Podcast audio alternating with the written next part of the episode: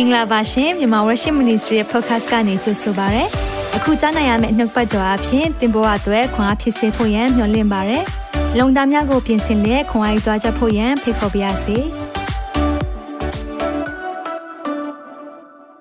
အားလုံးပဲကြိုဆိုရဲဒီညမှာဖျက်ရှင်နာမတော်တာကြီးဘုန်းကြီးပါစေ။နှုတ်ကပတ်တော်ဘုရားကပေးထားတဲ့အရာလေးအာကျွန်တော်တခါမှဒီအရာလေးကိုပေါ့နော်မမြင်ဘူးဘူး။အာတကယ်တိဖူး ပြီးသားလို့ထင်ထားတဲ့နှုတ်ကပတ်တော်ဖြစ်ပေမဲ့ဘုရားကအသစ်တစ်ဖန်အမြဲတမ်းဖွင့်ပြတယ်။ဘာကြောင့်လဲဒီနှုတ်ကပတ်တော်အသက်ရှင်တယ်။အာမင်။အသက်ရှင်တဲ့နှုတ်ကပတ်တော်ဖြစ်တော့ကျွန်တော်တို့တစ်ခါလေကြာရင်နော်ဒါတွေကဟာဒါတွေကတိပြီးသားပါနော်။အစသဖြင့်ကျွန်တော်တို့ကပြောတတ်တယ်။ဒါပေမဲ့ဒီနေ့မှလည်းဘုရားသခင်ကသင်ကိုအသစ်တစ်ဖန်ပြန်လည်ပြီးတော့နှုတ်ကပတ်တော်အပြင်ကောင်းကြီးပေးမယ်ဆိုတာကိုဒီနေ့ကျွန်တော်ယုံကြည်ပါတယ်အာမင်ယုံကြည်သူများစုပေါင်းပြီးတော့စုတောင်းတဲ့ဟရာတကူရှိတယ် ဒါကိုမမေ့ပါနဲ့ကျွန်တော်တို့တခါလေအိမ်မှာတယောက်တည်းစုမတောင်းဖြစ်တဲ့အချိန်ရှိကောင်းရှိလိမ့်မယ်စုမတောင်းခြင်းတဲ့အချိန်ရှိကောင်းရှိလိမ့်မယ်မိုင်းမိတယ်လို့မျိုးပေါ့နော်အားလုံးဟိုဝိညာဉ်ရေးရမှာအရန်ကိုကြဆင်းတယ်ဒီလိုမျိုးခံစားရတယ်ပေါ့နော်အဲ့လိုမျိုးပြောတဲ့အခါမှာကျွန်တော်ဘာနားလဲရလဲဆိုတော့ကျွန်တော်တို့အာယုံစူးစိုက်မှုတွေဒီအချိန်မှာစာတန်ခိုးတယ်။ဟောကျွန်တော်ဖះကိုအာယုံပေးရမယ့်အရာတွေဒီနေ့ဖះကိုအားကိုးရမယ့်အရာတွေကျွန်တော်တို့တွေက တခါလီမှာတခြားအရာအားကိုးမိတတ်တယ်နော်အဲဒါကြောင့်မလို့ကျွန်တော်တို့ဆူတောင်းရအောင်နော်ဒီနေ့အအောင်ဖို့သိကောင်းတယ်ခရစ်တော်ဦးကောင်းဖြစ်တဲ့နေရာမှာအနေနဲ့ရရက်ကကျွန်တော်တခါမှမသိဘူးကြဘူးမတွေ့ဘူးကြဘူးဂိုင်းကနမတူကြဘူးเนาะဒီနေ့အမျိုးမျိုးဂိုင်းကနဘောင်းဆောင်ကလာကြတယ်ဒါပေမဲ့အားလုံးကိုဒီညမှာခရစ်တော်နာမ၌ညီသက်ခြင်းရှိပါစေလို့နှုတ်ဆက်ပါတယ်เนาะဆိုတော့ခရစ်တော်ဦးကောင်းဖြစ်တဲ့နေရာသည် တကယ်ကိုကျွန်တော်တို့ရဲ့အသင်းတော်ဖြစ်တယ်။ဒါကြောင့်အားလုံးဒီညပါဝင်နိုင်လို့ယေရှုတင်တယ်။ကျွန်တော်နှုတ်ကပတ်တော့အာချစ်တတ်တဲ့စိတ်ဆိုတဲ့အကြောင်းလေးကိုပြောပြခြင်းတယ်နော်ဆိုတော့ဘုရားရဲ့မြတ်တာပဲဒီနေ့ပြောမယ်ဆိုတော့ဘုရားရဲ့မြတ်တာပြောဖို့ရန်အတွက်တော့စကလုံးမရှိဘူးဒါအမှန်တိုင်းပြောတာစကလုံးလှအောင်ပြောတာလည်းမဟုတ်ဘူးဘုရားရဲ့မြတ်တာကိုပုံဖော်နိုင်မဲ့စကလုံးတော့သချင်းတော့လုံးဝမရှိဘူးဒါပေမဲ့ဒီနေ့မှာကျွန်တော်ယုံကြည်တယ်ဘုရားရဲ့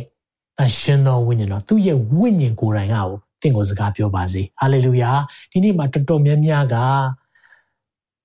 ကြောက်ရွံ့နေကြတယ်တော်တော်များများကရှေ့ရေးကိုစဉ်းစားတဲ့အချိန်မှာမရေရာမှုတွေဖြစ်နေတယ်မျောလင့်ချက်တွေမဲ့နေတယ်ဒါပေမဲ့ကျွန်တော်နားလဲစေချင်တယ်ဒီနေ့မှာဖခင်ကသူ့မေတ္တာနဲ့သင်ကိုထွေးပွေးလိမ့်မယ်အာမင်ဒါကြောင့်မလို့ဖခင်ကကျွန်ုပ်ကိုသူ့မေတ္တာနဲ့ထွေးပွေထားပါတယ်လို့ဝန်ခံရအောင်အာမင်ဖခင်က ကျွန်ုပ်ကိုသူ့မေတ္တာနဲ့ထွေးပွေထားတယ်ဖခင်ရဲ့မေတ္တာထဲမှာလေနှွေးထွေတယ်လုံခြုံတယ်ဒါကြောင့်သင်မြမပီအတွက်စိတ်လေးနေတယ်ဖခင်သိတယ်เนาะဒါပေမဲ့သူ့ရဲ့လက်တော်နဲ့သူ့ရဲ့မဆာခြင်းသူ့ရဲ့အလိုတော်ကျွန်တော်ဝန်ခံရအောင်တချို့တွေကစိတ်မရှိတော့ဘူးအာ comment တွေတွေ့ရတဲ့အခါမှာတော့၎င်း post တွေတွေ့ရတဲ့အခါမှာ၎င်းဖခင်ကဘယ်မှာနေနေတာလဲဒီကိစ္စကိုမဖြေရှင်းတော့ဘူးလားမဝင်တော့ဘူးလားဒီနေ့ဖခင်ရဲ့အကြံစီကိုကျွန်တော်အားလုံးမသိနိုင်တဲ့အတွက် အဲကြောင့်မလို့เนาะကျွန်တော်ပုံမြင်လေးတစ်ပုတ်ပြောပြရင်းနဲ့ဒါလေးကိုမြန်မာနိုင်ငံနဲ့ဒီတချို့တွေရဲ့ခံစားချက်လေးကိုကျွန်တော်အာအနေငယ်နှစ်သိမ့်ခြင်းတယ်။ဘာလဲဆိုတော့ဒါကတော့ဒီဟိုတရုတ်เนาะပုံပြင်လေးတစ်ခုပေါ့เนาะအဲ့ဒီမှာတရက်ကြတော့တရုတ်ပေါ့เนาะတရုတ်မိသားစုမှာသူတို့ကမြင်းလေးရှိတယ်ပေါ့เนาะမြင်းရှိတယ်။အဲ့မြင်းကတရက်ကြတော့အာသူတို့ကလည်းတအားချစ်တယ်။ဒါပေမဲ့အဲ့မြင်းကတရက်ကြတော့ပျောက်သွားတယ်။ တောထဲထွက်သွားတယ်။အဲ့နဲ့တောထဲထွက်သွားတော့ဟာသူ့အိမ်ဘေးနားလာပြောတယ်ဟာမင်းမြင်းပြောက်သွားတယ်ဆိုတာတိတ်ကန်ဆိုးတာပဲနော်တဲ့အဲ့လိုပြောတယ်ဒါပေမဲ့ဖြစ်ချင်တော့အိမ်မြင်းကတောထဲသွားပြီးတော့တောရိုင်းနော်တောမြင်းရိုင်းအကောင်20လောက်တော့ခေါ်ပြီးတော့အိမ်ပြန်လာတယ်အဲ့နဲ့အိမ်နဲ့ဟာမြင်းဒါကန်ကောင်းတာပဲနော်တဲ့အဲ့လိုပြောတယ်အဲ့နဲ့မကြဘူးအဲ့ဒီမြင်းရိုင်းထဲရတကောင်ကိုအဲ့ဒီအိမ်ရှင်ရဲ့သား နော် training လုပ်ရင်းနဲ့သူကမြင်းကိုရင်ပအောင်သင်ပေးရင်းနဲ့သွားတဲ့အခါမှာမြင်းကကန်ထဲလိုက်တော့ခြေထောက်ကျိုးသွားရောဟာအဲ့နဲ့အဲအဲအိမ်နေချင်းကလာပြောတယ်။အော်မြင်တော်တော်ကန်ဆိုးတာပဲနော်တဲ့။ခုနကြတော့ကန်ကောင်းတယ်တဲ့။ပြီးကန်ဆိုးတယ်တဲ့။ကန်ကောင်းတယ်တဲ့။ကန်ဆိုးတယ်တဲ့။အဲ့လိုဖြစ်နေရောဟာနဲ့ခြေထောက်ကျိုးသွားပြီဆိုတော့မင်းတော်တော်ကန်ဆိုးတာပဲနော်တဲ့။အဲ့မကြဘူး။အဲ့ဒီမြို့မြို့မှာ သဘုံတွေကဝင်လာပြီးတော့ဒီလူငယ်တွေအားကောင်းမောင်းတန်ရှိတဲ့လူငယ်တွေအားလုံးသူတို့အဖွဲ့တွေကိုမဝင်မနေရဆိုပြီးခေါ်တဲ့အခါမှာဖြစ်ချင်တော့အင်ရှင်သားခြေထောက်ကျိုးနေတော့မပါသွားဘူးအဲ့နဲ့အိမ်ပြီးအိမ်နီးနားချင်းကပြန်လာပြောအော်မင်းကကောင်းတာပဲနော်တဲ့ပြောချင်တာပါလေအခြေအနေလေးအချိန်ကာလတူတူတောင်းတောင်းလေးထဲမှာအမျိုးမျိုးပြောင်းလဲနိုင်တယ် အဲကြောင့်ကျွန်တော်တို့ကဒီအချိန်မှာတခုခုဖြစ်တဲ့အချိန်လေးကိုကြည့်လိုက်ပြီးတော့ကန်ဆိုးလိုက်တာနော်ကန်ကောင်းလိုက်တာနော်ကန်ဆိုးလိုက်တာနော်ကန်ကောင်းလိုက်တာနော်ဆိုပြီးတော့ကျွန်တော်တို့တွေအခြေအနေပေါ်မှာရက်တည်ဖို့မဟုတ်ဘူးဒီနေ့ကျွန်တော်နားလဲစေချင်တယ်ဒီနေ့ကျွန်တော်တို့ကအခြေအနေအထက်မှာရှိတယ်အမြင့်ဆုံးသောဖခင်ကိုကိုးကွယ်တာဖြစ်တယ်ဒါကြောင့်မလို့ဖခင်ကသူ့အလုပ်သူလုပ်ပါလိမ့်မယ်သင်နဲ့ကျွန်တော်အလုပ်ကကိုးကွယ်ဖို့ရဲ့သူ့ကိုအားကိုးဖို့ရဲ့အာမင် ဒီနေ့ကိုးစားနားထောင်အခြားသောလမ်းရှာမတွေ့ယေရှု၌ချမ်းသာရအောင်ကျွန်တော်တို့ဘာလုပ်ဖို့လိုလဲကိုးစားနားထောင်ဖို့လိုတယ်အာမင်အဲကြောင့်ဒီနေ့မှာကိုးစားနားထောင်ခြင်းကသာကျွန်ုပ်တို့အလုပ်ဖြစ်တယ်လို့ဝန်ခံပါအောင်ကိုးစားနားထောင်ခြင်းကသာကျွန်ုပ်တို့အလုပ်ဖြစ်တယ်လို့ဝန်ခံပါအဲကြောင့်ဒီနေ့ဖခင်ကသူ့အမှုသူပြုမယ်ကျွန်တော်တို့က ဘာလုပ်ဖို့လိုလဲယုံကြည်ခြင်းနဲ့ဖခင်ပေါ်မှာတရားမှတရားအားကိုးဖို့လိုတယ်။အဖခင်ကသူ့သူလုပ်မယ်ဆိုပြီးတော့ထိုင်ပြီးတော့ဒီတိုင်းဘေးထိုင်ဖို့ပြောဖို့မဟုတ်ဘူးကျွန်တော်အဲ့ဒါကိုပြောတာမဟုတ်ဘူးเนาะဒီနေ့ကျွန်တော်ယုံကြည်သူတွေဖက်ကလည်း100%ကျွန်တော်တို့ကအမြဲတမ်းဝိညာဉ်တိုက်ပွဲဝင်ပြီးဆူတောင်းပေးနေရမယ်။ဖခင်ပေါ်မှာမျောမျောကိုးရင်းနဲ့သွားဖို့လိုတယ်။တစ်ချိန်တည်းမှာပဲဖခင်ကအဲ့ဒီအရာပေါ်မှာအမှုပြုမယ်။အာမင်။အဲကြောင့်မလို့ကျွန်တော်တို့အပိုင်း ဖျားပိုင်းလူပိုင်းရှိပါတယ်ဒါကိုကျွန်တော်ခွာပေးခြင်းတယ်ဒါကြောင့်ကျွန်တော်အနေအမြင့်နေအများကြီးအခြေအနေကြတဲ့မှာဖျားကိုပဲကိုးစားကြဖို့ရန်အတွက်ဒီနေရာကနေအထူးပဲကြားခြင်းတယ်လို့เนาะဆိုတော့ဒီနေ့ညမှာဖျားရဲ့မေတ္တာကြောင့်ကျွန်တော်ပုံဖော်မယ်ဒါပေမဲ့ကျွန်တော်မှာစကလုံးမရှိဘူးကျွန်တော်မှာပြောဖို့ရန်အတွက်အာအရေးချင်းလည်းမရှိပါဘူးဒါမဲ့ကျွန်တော်ယုံကြည်တယ်ဖျားရဲ့တန်ရှင်းသောဝိညာဉ်တော်အသင်ကိုစကားပြောပါစေ အကြောင်းဒီနေ့ကျွန်တော်ဝန်ခံရအောင်ဒီနှစ်သုံးနှုတ်ကပတ်တော်သည်ကျွန်ုပ်ခြေရှိမှမိခွက်ဖြစ်၍ကျွန်ုပ်လန်ကီကိုလင်းစေပါ၏တစ်ခါတော့ပြန်လည်ဝန်ခံရအောင်နှုတ်ကပတ်တော်သည်ကျွန်ုပ်ခြေရှိမှမိခွက်ဖြစ်၍ကျွန်ုပ်လန်ကီကိုလင်းစေပါ၏ဒီနေ့နှုတ်ပတ်တော်အဖြစ်သင်ရဲ့လမ်းကိုဘုရားကဖွင့်ပြပါစေခဏလောက်စက္ကန့်နိုင်အောင်သက်ရှင်သောထာဝရမြတ်စွာသောဘုရားသခင်နာမတော်ကိုအထူးပဲချီးမွမ်းပါတယ်ဒီညမှာကိုရရဲ့မြတ်တာကိုပုံဖော်ဖို့ရှိပါတယ်ဒါပေမဲ့ ကျွန်တော်ပြောတာထက်ကိုရောရဲ့တန်ရှင်းသောဝိညာဉ်တော်ဖရာဒီနေ့မှာတယောက်ချင်းစီတိုင်းရဲ့နှလုံးသားကိုကင်လှုပ်ပါဒီနေ့မှာနောင်တတရားနဲ့ကိုရောထံလှည့်လာဖို့ရန်အတွက်တန်ရှင်းသောဝိညာဉ်တော်ကိုယ်တိုင်နှလုံးသားအသီးသီးကိုကောင်းချီးပေးပါဒီရဲ့အစီအစဉ်အားလုံးကိုနောက်ဆက်ပေးမဲ့ဝိညာဉ်ဇိုးရဲ့လို့ရဲ့အားလုံးယေရှုနာမနဲ့ဖယ်ရှားပါ၏အလိုတော်ဒီကောင်းကင်ဘုံမှာပြည့်စုံကြတဲ့ဒီနေ့အစီအစဉ်ပေါ်မှာလည်းပြည့်စုံပါစေမြတ်တော်မူတဲ့သခင်ရှုနာမ၌ဆုတောင်းဆက်ကပ်ပါ၏အာမင်အာမင် ချစ်တတ်သောစိတ်နော်ဒီဒီအရာကိုကျွန်တော်လေ့လာနေတဲ့အခါမှာကြောက်ရွံ့ခြင်းမှလွတ်မြောက်ခြင်း freedom from fear ကြောက်ရွံ့ခြင်းကနေလွတ်မြောက်ဖို့ရန်အတွက်ကျွန်တော်ဒီရဲ့အကြောင်းအရာကိုလေ့လာလာတာဆိုရင်ဒီနေ့ကတော့အပိုင်း6ကိုရောက်လာပြီဆိုတော့ကျွန်တော်တို့လက်ဆွဲတဲ့ကင်ဆွဲထားတဲ့အဲဒီနှုတ်ကပတ်တော်ကကျွန်တော်တို့နှစ်ဒီဒီခွန်ကိုကျွန်တော်တို့ကင်ဆွဲထားတယ်ဖတ်ကြည့်အောင်အကြောင်းမူကားဘုရားသခင်သည် ကြောက်တတ်သောစိတ်တဘောကိုငါတို့အားပေးတော်မူသည်မဟုတ်တကိုးပါသောစိတ်ချစ်တတ်သောစိတ်ရှင်းလင်းသောစိတ်တဘောကိုပေးတော်မူတယ်တဲ့ဆိုတော့အရင်ဘက်ကကျွန်တော်တို့တကိုးပါတဲ့စိတ်အကြောင်းပြောပြီးပြီဆိုတော့ဒီနေ့မှာတော့ချစ်တတ်သောစိတ်ဆိုတာပြောမယ်နောက်ရှင်းလင်းသောစိတ်တဘောအကြောင်းကိုပြောပြမယ်ပြီးရင်တော့ကျွန်တော်တို့ဒီ freedom from fear series ကိုအဆုံးသတ်မှာဖြစ်တယ်ဆိုချစ်တတ်တဲ့စိတ်တဲ့เนาะဆိုတော့ချစ်တတ်တဲ့စိတ်လို့ပြောတဲ့အခါမှာ the spirit of love ဆိုချစ်တတ်တဲ့စိတ်ဖရားပေးထားတယ်။ဒါဆိုရင်ဖရားကဘာတူလဲ God is love တကယ်ဖရားရဲ့ဂုံပုတ်တစ်ခုကမေတ္တာဖြစ်တယ်။နော်ဆိုတော့ तू ကမေတ္တာကျွန်တော်တို့လူသားတွေကိုဖန်ဆင်းတဲ့အချိန်မှာသူ့မှာမေတ္တာရှိလာတာမဟုတ်ဘူး။မေတ္တာရှိပြီးသား။ဒါကြောင့်မလို့ကျွန်တော်တို့ဖရားသိလှပတဲ့အရာလေးတစ်ခုအရင်ပြောပြမယ်။ဆိုတော့ဖရားကသုံးပါးတစ်လုံးတစ်ဝါဖြစ်တယ်လို့ပြောတိုင်းလူတွေကနားမလည်နိုင်ဘူး။ဆိုတော့ ခမဲတော်ရှိတယ်သားတော်ရှိတယ်တန်ရှင်းသောဝိညာဉ်တော်ရှိတယ်ဆိုတော့သုံးပါးဟာတလုံးတဝတည်းဖြစ်တယ်နော်ဆိုတော့အဲ့လိုမျိုးပြောတဲ့အခါမှာလူတွေကနားမလည်နိုင်ဘူးဘာကြောင့်ဖះသုံးပါးဆိုတော့ဖះသုံးစုမဟုတ်လားအဲ့လိုမဟုတ်ဘူးဆိုတော့သုံးပါးဟာတလုံးတဝတည်းပဲဖြစ်တယ်နော် God လို့ပဲပြောတယ်ဒါပေမဲ့အဲ့ဒီမှာပုံကိုအနေနဲ့သုံးပါးရှိတယ်အဲ့လိုပြောတဲ့အခါမှာဆိုတော့တခုနားလည်အောင်ပြောပြခြင်းတယ်အရှင်းဆုံးဖြည့်ရှင်းချက်ကတော့ မေတ္တာဆိုတဲ့အရာလေးကိုရှင်းပြခြင်းတယ်ဆိုတော့ဖယားက one ပဲဖြစ်တယ်ဆိုရင်သူ့မေတ္တာမေတ္တာရှိတယ်ဆိုတဲ့အရာ तू ကဘသူ့ကိုပေးတာလဲဘယ်ကနေရတာလဲဆိုတော့မေတ္တာလို့ပြောတိုင်းအ ਨੇ ဆုံး two party လို့ရဟုတ်တယ်မလားဟိုဖက်ဒီဖက်နှစ်ဦးနှစ်ဖက်လိုတယ်လေမေတ္တာမျှတယ်ဆိုတာကိုနဲ့တခြားတယောက်နဲ့ဟုတ်တယ်နော်ဆိုတော့ကျွန်တော်တို့ကမေတ္တာအကြောင်းပြောပြီးဟေ့ဆိုရင်အပြန်အလှန်ရှိရတယ်ဆိုတော့ ဖယားဟာတဆူတဘာတည်းပဲဖြစ်နေတယ်သုံးပါမဟုတ်ဘူးတဘာတည်းပဲဖြစ်တယ်ဆိုတော့ तू ကအဲ့မေတ္တာကိုဘယ်သူ့ကိုပေးတာလဲအဲ့ဆိုလူကိုဖန်ဆင်းမှသာ तू မေတ္တာရှိတယ်ဆိုရင် तू ကအစကတည်းက तू မှာမေတ္တာမရှိဘူးဒါကြောင့်မလို့ဒါဟာဖယားဂုံပုံနဲ့မကိုက်ဘူးတိတ်လှပါတယ်ခမဲတော်သားတော်တန်ရှင်သောဝိညာဉ်တော်ကဘာမတီမရှိခင်ကလေးကသူတို့သုံးပါးထဲမှာချစ်ချင်းမေတ္တာနဲ့ပြည့်စုံနေတာကဘာမတီမရှိခင်ကလေးကဒါကြောင့်မလို့သူတို့ဟာ communication เนาะစကားပြောရဆိုရင်လည်း တယောက်တည်းပြောလို့မှမရတာဟုတ်လားတယောက်တည်းစကားပြောနေကြည့်ပါလားเนาะတချို့ကဘာဖြစ်နေလဲမသိဘူးဒီတယောက်လို့ပြောမှာဆိုတော့တယောက်တည်းစကားပြောနေလို့လည်းမရဘူးဆိုတော့စကားပြောရဆိုရင်လည်းနှစ်ဦးနှစ်ဖက်လိုတယ်အဲကြောင့်ဖခင်ကလူတွေဖန်ဆင်းမှစကားစပြောတာလားမဟုတ်ဘူးသူတို့ထဲမှာကလေးကမေတ္တာနဲ့ဆက်သွယ်မှုဟာရှိပြီးသားဖြစ်တယ်ဒါကိုနားလဲစေချင်တယ်ဒါကြောင့်ဒီနေ့ဖခင်ရဲ့မေတ္တာကိုပြောတဲ့အခါမှာဖခင်ကတဲ့ကျွန်တော်တို့ကြောက်တဲ့စိတ်မပေးဘူးတဲ့ဘာပဲပေးလဲ ချစ်တဲ့စိတ်ပေးတယ်နော်ချစ်တဲ့စိတ်ပေးတယ်ဘာကြောင့်ဆိုတော့လူကကြောက်တတ်တယ်ဆိုတော့ကျွန်တော်ကြောက်ခြင်းနဲ့ပတ်သက်ပြီးတော့လူတွေကြောက်တတ်တဲ့အရာလေးတွေနည်းနည်းရှာကြည့်တာပေါ့နော်ဆိုတော့ကျွန်တော်ကိုယ်တိုင်လည်းအဲ့ဒီကြောက်တတ်တဲ့အရာဥမာအထူးသဖြင့်စိတ်ပိုင်းဆိုင်ရာကြောက်တတ်တဲ့အရာလေးတွေရှိတယ်ဆိုတော့ကျွန်တော်ဒါလေးတွေကိုအရင်ဆုံးကျွန်တော်ကြည့်ကြည့်အောင်နော်ဆိုတော့နှုတ်ကပတ်တော်လေးဒီနေ့နှုတ်ကပတ်တော်အခြေပြုကျမ်းစာနောက်တစ်ခုကျွန်တော်ရွေးထားတယ်အဲ့ဒါကဘာလဲဆိုတော့တိယောလေး78ထဲကအကြောင်းအရာဖြစ်တယ်ရှင်ယောဟန် ဩဝါဒစာပထမဆုံးခန်းကြီးလေးငယ်78မှာပြောလဲဆိုတော့ချစ်ချင်းမြတ်တာသည်ကြောက်ချင်းတန်ဝေကနဲ့မပေါင်းနိုင်ရာတန်ဝေကသည်ပူပန်ခြင်းဝိညာဉ်ကိုဖြစ်စေသောကြောင့်စုံလင်သောမြတ်တာပြောကြည့်ပါစုံလင်သောမြတ်တာနောက်တစ်ခေါက်လောက်စုံလင်သောမြတ်တာသည်တန်ဝေကကိုပယ်ရှားတတ်၏တန်ဝေကရှိသောသူသည်မြတ်တာနဲ့မပြည့်စုံသေးတဲ့ဆိုတော့တန်ဝေကတန်ဝေကလို့ပြောတဲ့အရာတကယ်တော့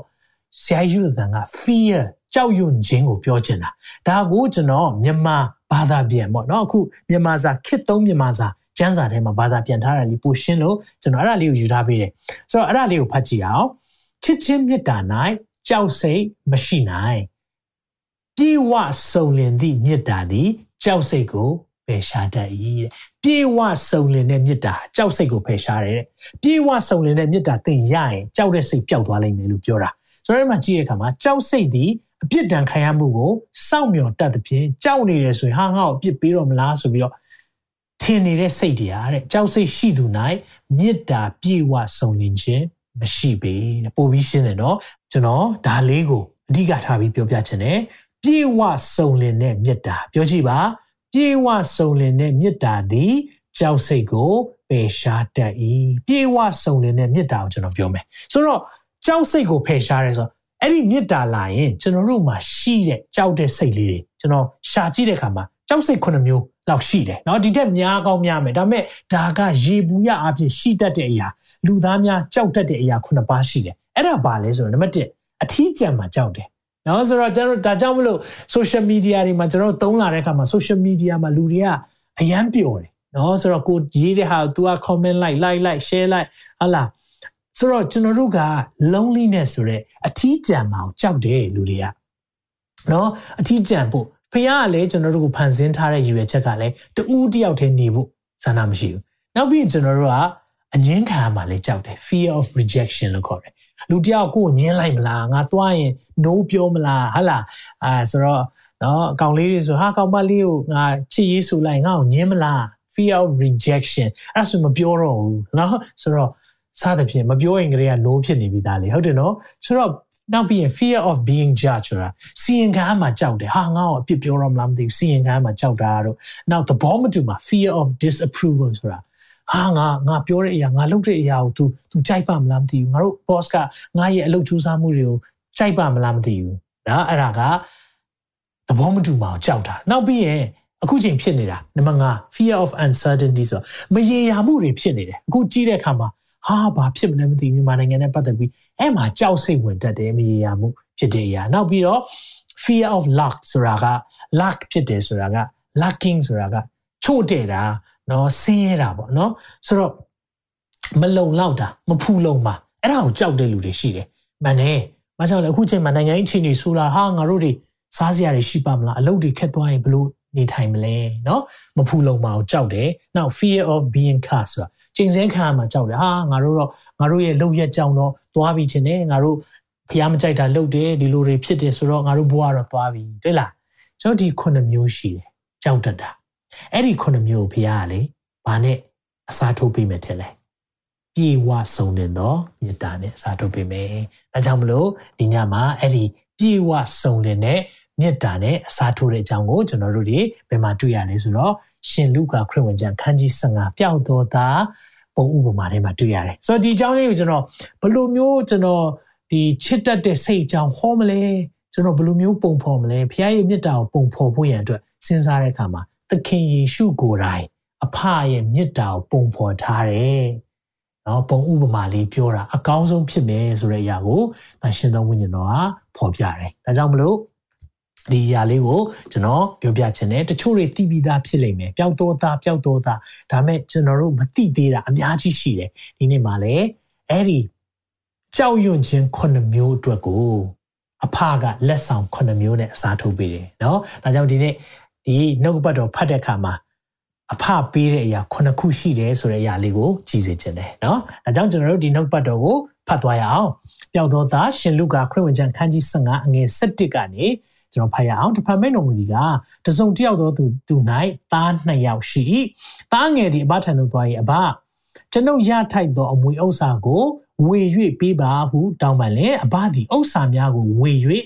သားတို့အားနော်အမှသားတို့လို့ပြောတယ်ဥစ္စာများကိုဝေပြီးသားတို့အားပေးတယ်တဲ့ဆိုတော့ကျွန်တော်တို့ဂျူးဂျူးထုံးတန်းစင်အလာတခုကိုအရင်နားလည်ဖို့လိုတယ်ဘာလဲဆိုတော့အမွေခွဲပေးရင် သားကြီးနဲ့သားငယ်เนาะသားအကြီးဆုံးသားဦးနဲ့တခြားလူတွေခွဲပေးတာမတူဘူးဆိုတာကိုသိစေချင်တယ်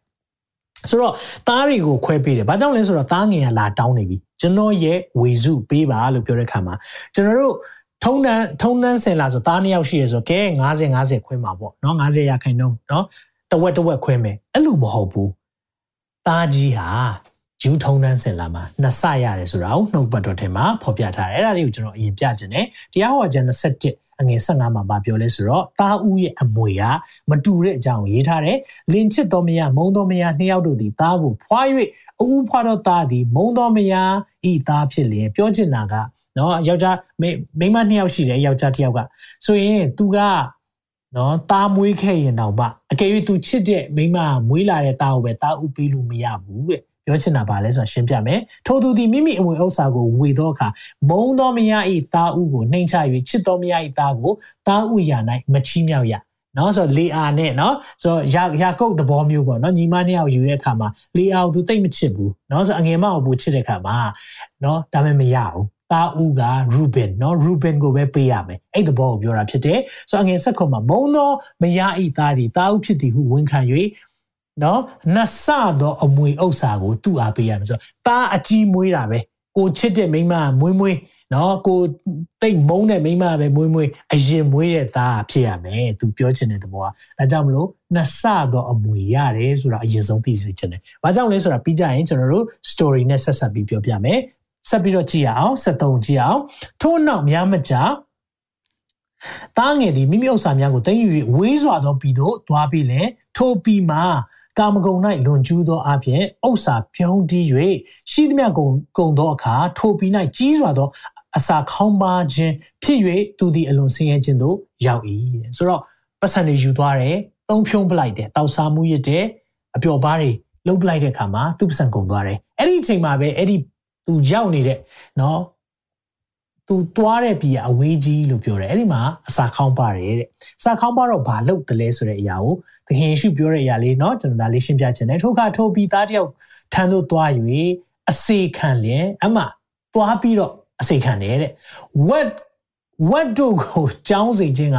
သူ့သခင်ဒီတောသို့ဆေလွတ်တဲ့ဖြစ်နေ so what ကြောင်းရတယ်ဂျူးတွေ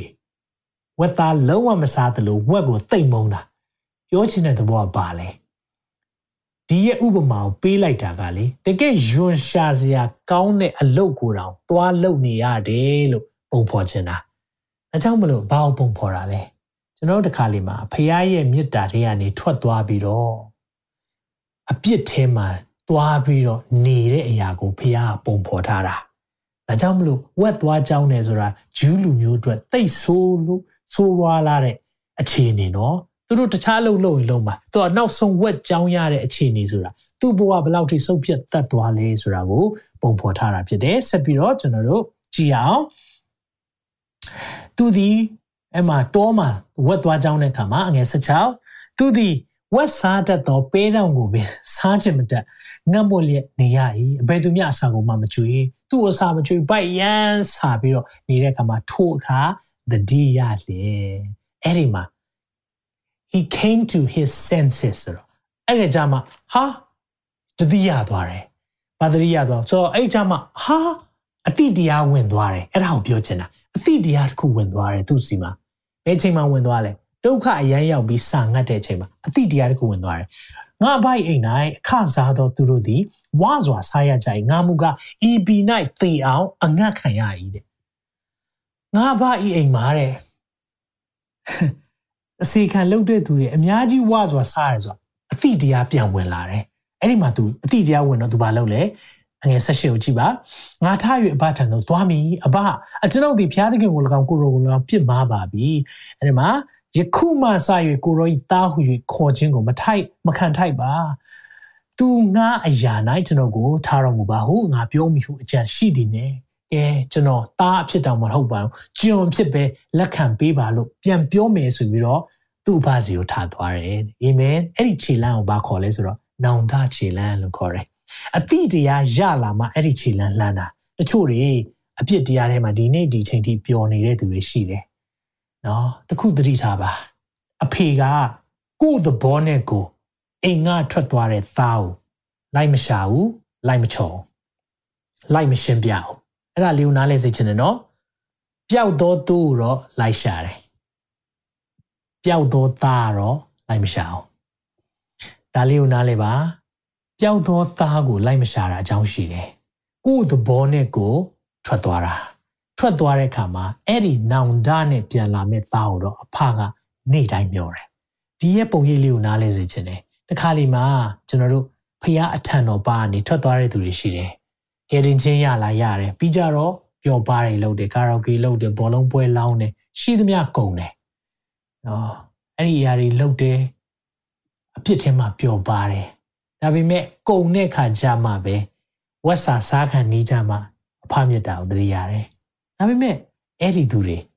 ဖះကစောင့်မျှော်နေတယ်ဆိုတာဒီနေ့ပြောပြချင်တယ်ဆိုတော့ကျွန်တော်တို့ဒီမှာဆက်ပြီးတော့ကြည့်အောင်အငယ်20ထ၍ဖတယ်တို့သွားလေ သွား၍ဝေးသောဝေးသေးသောအခါဆိုတော့အဝေးကပဲအဖမြင်လိုက်တာအဘသည်သားကိုမြင်ရင်တနာသောစိတ်ရှိသည်နဲ့အဲ့မှာတနာသောစိတ်ရှိတာနဲ့ပြေးသွားပြီးတော့တဲ့သားရဲ့လေပင်ကိုကြတော့ပိုင်ဖက်၍ဆိုတာ hug လုပ်တယ် embrace လုပ်တယ်အဲ့ဒီလောက်နော်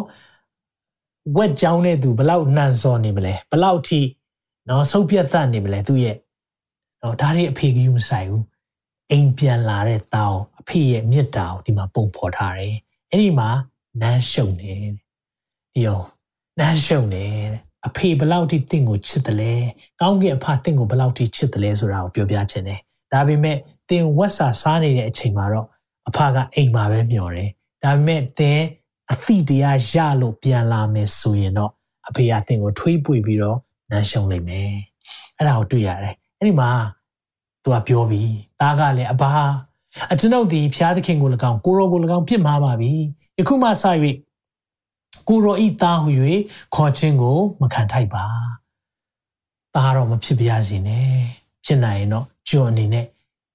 ပဲကောင်းပါတယ်မဖြစ်ထိုက်ဘူးလို့ပြောတဲ့အချိန်မှာပဲအဘကဘာယူလာလဲမြက်သောဝစ်လုံး rope နော်မြက်သောဝစ်လုံးကိုယူ၍သူကိုခြုံကြားသူ၏လက်၌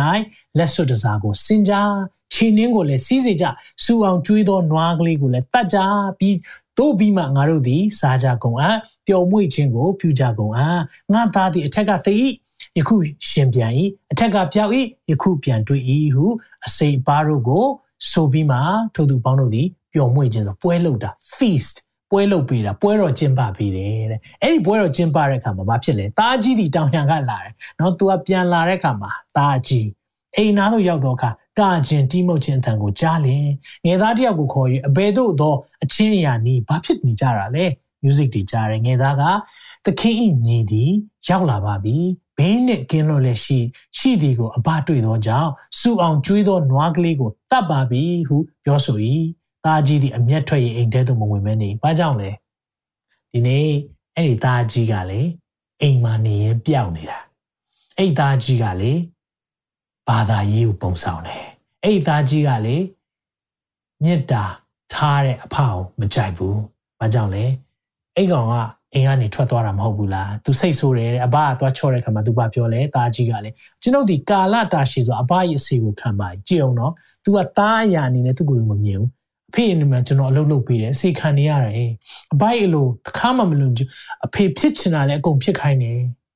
သို့တော့သို့တော်လည်းကျွန်ုပ်ဒီအဆွေတို့နဲ့အတူပျော်မွေ့ခြင်းကိုပြုစေခြင်းကအဘဒီစိတ်ကလေးတစ်ကောင်ကိုမှတစ်ခါမှမပေးဘူးအဖေကျွန်တော်စိတ်ကလေးတစ်ကောင်တော့မပေးဘူးဘူးနော်ပြည့်စုံမိမတို့နဲ့ပေါင်းဖော်ရင်မိမိဥစ္စာကိုဖြုံးတော့ဤသားငယ်ရောက်လာတော့အခါဤသားငယ်နော် your son လို့အင်္ဂလိပ်ကျမ်းစာမှာသုံးတယ်ခမည်းသားရောက်လာတယ်ကျွန်တော်ညီလို့မပြောခမည်းသားရောက်လာတာ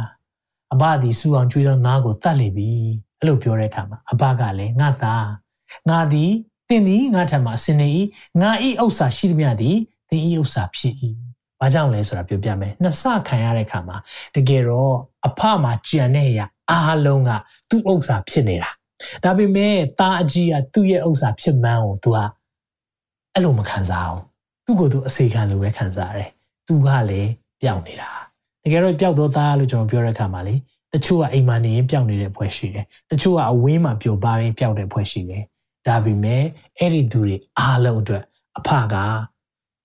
ပြီးပြည့်စုံတဲ့မေတ္တာနော်ပြည့်စုံကြွယ်ဝတဲ့စုံလင်တဲ့မေတ္တာကိုပြောပြခြင်းတယ်ဒါကြောင့်မလို့ဒီနေ့ကျွန်တော်ကဘာကိုပြောပြခြင်းလဲဆိုရင်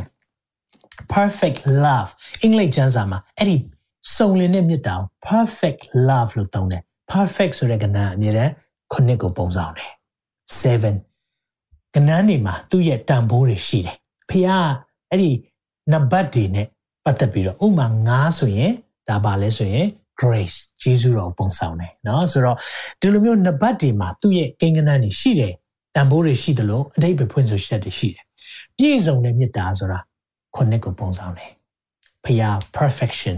perfect ပြည့်စုံခြင်းလို့ပုံဆောင်တယ်အဲ့ဒီခုနှစ်ကိုပုံဆောင်တဲ့အတွက်ကြောင့်မလို့ဒီနေ့မှာဖခင်ကပြီးပြည့်စုံတဲ့မေတ္တာမှာလက်ဆောင်ခုနှစ်ခုပေးတယ်တကယ်တော့အဲ့ဒီခုနှစ်ခုကကျွန်တော်တို့ခုနကကြောက်နေတဲ့ နော်ကျွန်တော်တို့အထီးကျန်တာတို့ငင်းခံမှာကြောက်တာတို့ဒီအရာတွေကိုဘုရားကဒီနေ့မှာသင်ကိုလေ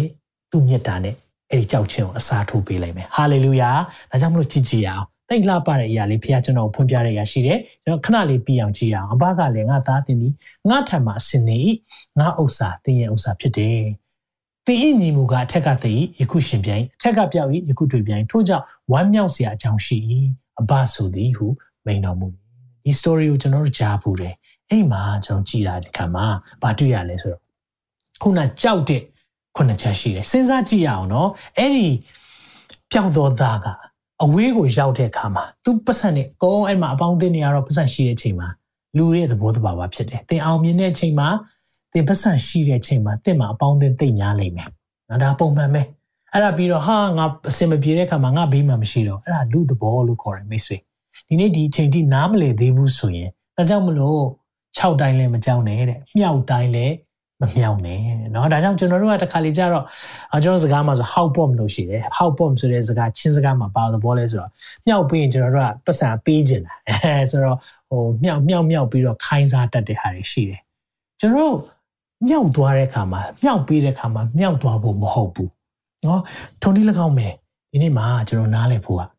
ဖခင်ရဲ့မေတ္တာလေ အဲ့ဒီကြောက်နေတဲ့စိတ်ကိုအစားထိုးပေးတာကိုကျွန်တော်တို့ဒီမှာတွေ့ရတယ်။ဘာတွေ့ရလဲဆိုတာကိုတစ်ချက်လောက်ကြည့်အောင်။အဲ့ဒီသားနော်အဲ့ဒီမှာပထမအဆုံးအဖေပေးတဲ့လက်ဆောင်ကထွေးပွေခြင်းဖြစ်တယ်။ဒီနေ့အဲ့ဒီထွေးပွေတာကလေဘာကို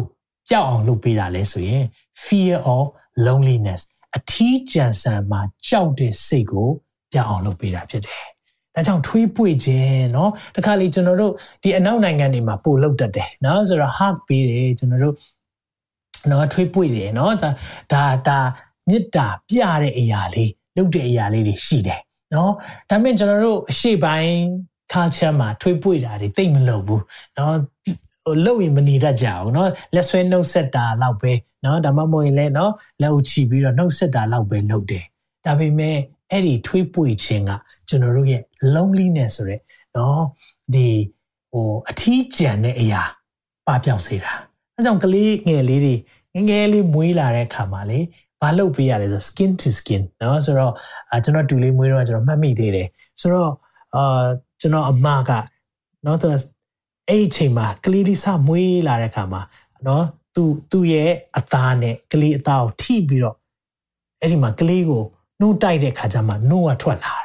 တယ်။အော်မှုသိကောင်းတယ်။ဘာလို့ကလေးကသူ့ဟာသူအထီးကျန်နေပြီလို့ထင်တတ်တယ်။လူရဲ့သဘောတဘာဝအထီးကျန်ဆန်ခြင်းသိကြောက်တယ်။အဲ့ဒီအချိန်မှာထွေးပွေခြင်းနဲ့အဖေကလက်ဆောင်ပေးလိုက်တာ။အာမင်။ဒီနေ့အမြင့်ဆုံးသောဖခင်ရဲ့ကွယ်ကာယဌာနတော်မှာနေတော်သူဟာတဲ့အနန္တတကုရှင်အရေးကိုခိုရမယ်ဖခင်ကကျွန်တော်တို့ကိုလေအမြဲတမ်းထွေးပွေထားတဲ့မေတ္တာရှင်ဖြစ်တယ်ကျွန်တော်မှတ်မိသေးလားမသိဘူး El Shaddai El ရဲ့အဓိပ္ပာယ်က တအားကိုတကိုးကြည့်တယ် Shad ရဲ့အဓိပ္ပာယ်ကယင်သားထဲမှာထွေးပွေထားတယ်ဆိုတဲ့အဓိပ္ပာယ်အဲကြောင့်ဖခင်သခင်ကကျွန်တော်တို့ကိုထွေးပွေထားလေးရှိတယ်ထွေးပွေထားလေးရှိတယ်။ကြောင့်မိတ်ဆွေဘဝမှာဒီနေ့မှာအထီးကျန်တယ်လို့ခံစားရလားငါတို့ကိုနိုင်ငံတကာဘာမှမကင်မတော့ဘူးငါတို့အားကိုးနေတဲ့သူတွေဘယ်မှာလဲဒီနေ့အထီးကျန်တယ်ဆိုရင်လေဖခင်ကတင့်ကိုလေသူ့မြတ်တာနဲ့ထွေးပွေထားခြင်းတယ်ဟာလေလုယာဒီနေ့အိတ်သားပြန်လာတဲ့အခါမှာ तू တအားထီးကျန်တာဗော ဝက်စာတော်စားခံနေ तू အလောက်ထိစိတ်ဖြစ်သွားတယ်အဲ့ဒီစိတ်ကိုအဖေကတွေ့တဲ့အခါမှာအဝေးကမြင်ကလေးကပြေးတာနော်ဒီနေ့ပြေးပြီးကြိုတယ်အဲ့ချိန်မှာအပြစ်မတင်ဘူးမင်းကြည့်အောင်ဘလို့လဲအခုမှလာတယ်ကုံမီလာပတ်စံကြည့်အောင်မင်းဘာဘာလာလောက်တာလဲမပြောဘူးအဲ့ဒါကျွန်တော်တို့လူတွေကတော့အဲ့လိုပြောခြင်းပြောလိမ့်မယ်နော်ပြန်မင်းမင်းကိုမင်းပြန်ကြည့်အောင်နော်ဒါငါသားလို့ပြောတာငါရှက်တယ်ကွာ မင်းတို့အမွေပြည့်ဆွန့်လွတ်မှရမယ်သတင်းစာထဲမှာကြော်ညာနိုင်မယ်ငါအိမ်ရိတ်တောင်မနေနဲ့အဲ့ဒါလူမြတ်တာဒီနေ့အဖမြတ်တာတော့ပြောပြမယ်အဖမြတ်တာစုပ်ပြတ်သက်ပြီးတော့ဘလောက်ထိယွန်စရာကောင်းလဲနန်းစောနေမလဲဒါပါပုံဖော်ထားလဲအပြစ်သားဒါမဲ့အဲ့အပြစ်သားနောင်တစိတ်နဲ့ပြန်လာတာအဲ့ဒါအဲ့ဒီຢာလေးနောင်တဆိုတဲ့ຢာလေး နောင်တမရပဲပြန်လာတဲ့သားကိုအဖေလိုက်မရှာဘူးလိုက်မထွေးပွေဘူးဒါမဲ့နောင်တစိတ်နဲ့ကျွန်တော်မထိုက်တန်တော့ဘူးကျွန်တော်ကိုခွင့်လွတ်ပါလို့လာခြင်းနဲ့သူအားလုံးကိုဒီနေ့မှာသခင်ကညှော်လင့်နေတယ်ဟာလေလုယာအဲကြောင့်မလို့တဲ့တဲ့ဖခင်ရဲ့မြတ်တာခံစားခြင်းနဲ့ဆိုရင်ဒီနေ့နောင်တတရားနဲ့ရှိတဲ့နေရာကအတိတတိရလျက်တဲ့တတိရတယ်ဆိုတော့ငါအဖေအိမ်မှာဒီလောက်မဆိုးဘူးနော်အတိတရားတစ်ချက်ဝင်လာတယ် ဒီနေ့အဲ့ဒီအတိတရားဖခင်တင်ကိုပေးပါစေနောက်တချို့တွေဒီနေ့လုံးလေးဖြစ်နေတဲ့လူတွေအများကြီးရှိတယ်အထီးကျန်ပြီးဘာလုပ်လို့ဘာကန်ရမှမသိတဲ့သူတွေရှိတယ်ဒါကလေငါ့ကိုဘယ်သူမှမချစ်ဘူးလို့ခံစားနေရတဲ့သားသမီးတွေရှိတယ်အဖေမြတ်တာငတ်နေတဲ့သူတွေရှိတယ်ကျွန်တော်ဒီနေ့ပြောပြမယ် သင်ကောင်းကင်အဖမြတ်တာကိုမရသေးလို့ဖြစ်လိမ့်မယ်။ကောင်းကင်အဖရဲ့မြတ်တာကတော့တိတ်ကိုနှွေးထွေးတယ်။သင်ကိုဘယ်တော့မှ condemn ဆိုတဲ့အမြဲတမ်းအပြစ်တင်တဲ့သူမဟုတ်ဘူး။သင်ရဲ့အမှားလုပ်တဲ့အရာပေါ်မှာမှားတယ်ဆိုပြီးတော့ထိုင်ပြီးပြောနေမဲ့မြတ်တာမဟုတ်ဘူး။ဒီနေ့ဖခင်ရဲ့မြတ်တာတော့သင်ကိုထွေးပွေထားတဲ့မြတ်တာဖြစ်တယ်ဆိုတာကိုပြောပြချင်တယ်။နောက်အဖေပေးတဲ့လက်ဆောင်နောက်တစ်ခုရှိတယ်။အဲ့ဒါပါလဲဆိုတော့ kisses နော်အင်္ဂလိပ်ကျမ်းစာမှာဆိုရင် kisses နှမ်းရှိုက်တာနော် ဒီနေ့အနန္ဆိုတာကချစ်ချင်းရဲ့သင်္ကေတဖြစ်တယ်။ဒါပေမဲ့နန်းတိုင်းစိတ်ချရတာတော့မဟုတ်ဘူး။ဘာကြောင့်လဲဆိုတော့နော်ကျမ်းစာထဲမှာနော်အာအာဗြဟံအိဇက်ယာကုပ်နော်ယာကုပ်ကသူ့အဖေကိုနမ်းပေမဲ့လိန်ဖို့နမ်းတာယူရရှကယုတ်ကယေရှုကိုနမ်းတာကအယောင်စားပြီးနမ်းတာနောက်ပြီးရင်နော်ယွာဘဘိုလ်ချုပ်ယွာဘဆိုတာဒါဝိရဲ့အဲစစ်ဘိုလ်ချုပ်ယွာဘက နော်သူ့ရဲ့ cousin နော်ဒါဝိဒ်ကနောက်အတစ်တယောက်အာအဆာမနော်အာအာမသနော်သူ့ကိုခန့်အပ်တဲ့အခါမှာမလုပ်လဲအဲ့နေကောင်းလားဆိုနမ်းပြီးတော့ဒါနဲ့ထိုးလိုက်တယ်နော်ဆိုတော့ကျန်းစာတမအဲ့သုံးခုသစ္စာဖောက်တဲ့အနမ်းရှိတယ်ဒါမဲ့အဖေနမ်းတာကြတော့ထွေးပွေပြီးတော့အဆက်မပြတ်နမ်းတာတခါတည်းနမ်းပြီးတော့နောက်ကြောဓာတ်ထိုးဖို့မဟုတ်ဘူးလိန်ဖို့မဟုတ်ဘူးဒီအမှတ်ပေးဖို့ဟုတ်လား ငါနမ်းလိုက်တဲ့တယောက်ကိုဖမ်းပါဆိုတဲ့အမှတ်ပေးဖို့ယူရအနမ်းမဟုတ်ဘူးကြေးစားနှခံမဟုတ်ဘူးအဖရဲ့အနမ်းကြတော့မေတ္တာနှခံဖြစ်တယ်ဟာလေလုယာအဖကသားကိုထွေးပွေလိုက်တဲ့အခါမှာအဲ့ဒါကဘာကိုပုံဆောင်တာလဲ fear of rejection အငင်းခံရမယ့်အရာသင်ငင်းလူတွေတင့်ကိုညင်းမှာညင်းပယ်မှာကိုတိတ်ကြောက်တယ်ဆိုရင်လေဘုရားကတင့်ကိုလေအနမ်းနဲ့ထွေးပွေထားတယ်ဆိုတာကိုပုံပေါ်ထားတာဖြစ်တယ်ဟာလေလုယာဘလောက်လှပလဲ အဖေပေးတဲ့လက်ဆောင်ကျွန်တော်ကြောက်တယ်နော်မကြောက်ဘဲမနေဘူး rejection တိတ်ကြောက်တယ်တချို့တွေအာငါငါမလုပ်တော့ပါဘူးတချို့ကလေဟိုအားကြောက်တယ် rejection ဖြစ်မှာအောင်အရန်ကြောက်တဲ့ခါမှာနော်ကျွန်တော်ကျောင်းနေဘက်တငယ်ချင်းတယောက်ရှိသူရမ်းချစ်တဲ့ကောင်မလေးတယောက်ရှိတယ်ကျောင်းကလေးကတကျောင်းလုံးသိတယ်တကျောင်းလုံးကသိနေတယ်သူကဖွင့်မပြောဘူးဘာလို့လဲဆိုတော့ဖြစ်နိုင်ဟုတ်တယ်နေငါတို့ကဟိုဖြစ်နိုင်မယ်မထင်ဘူး ငါငါ့ကိုညင်းလိုက်မယ်ထင်တယ်ညင်းမှာကြောက်တဲ့ခါမှာ तू ဖွင့်မပြောဘူးဖွင့်မပြောတဲ့ခါမှာအဖြေရတော့ no ပဲပေါ့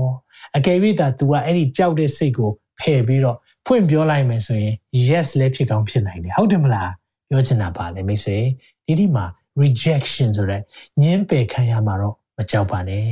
နော်အမြဲတမ်းအောင်မြင်တဲ့သူတော်တော်များများရဲ့ဘဝမှာလည်းညင်းပယ်ခြင်းခံရပါတယ် အလုပ်တစ်ခုမရအောင်နောက်တစ်ခုမရအောင်နောက်တစ်ခုမရအောင်ဒါပေမဲ့အဲ့လိုညင်းပယ်ခြင်းခံရင်ခံရင်နဲ့ပဲကြိုးစားရင်ကြိုးစားရင်နဲ့အောင်မြင်သွားတဲ့သူတွေအများကြီးရှိတယ်ဒါပေမဲ့တင့်ကိုဒီနေ့မှာတော့အဖကလေလူတွေကတင့်ကိုညင်းလားတင့်ရဲ့နော်ပုံစံကိုကြည့်ပြီးတော့ညင်းလားတင့်ရဲ့ဥစ္စာမရှိခြင်းကြောင့်ညင်းလားတင့်ရဲ့လောကပညာမရှိခြင်းကြောင့်ညင်းလားအဖကတော့လေတင့်ကိုလေချစ်ချင်းဆိုတဲ့အနမ်းနဲ့ကြိုးစုံနေတယ်ဆိုတဲ့အရာကိုပုံဖော်ထားတာဖြစ်တယ် ဘလောက်လှလိုက်လဲဟာလေလုယာဒါကြောင့်မလို့ဒီနေ့မြင်လိုက်ပါဒီနေ့အဖေရဲ့လက်ဆောင်နံပါတ်1ကတော့အနမ်းဖြစ်တယ်သင်ညင်းပယ်ခံရမှာ哦ဒီနေ့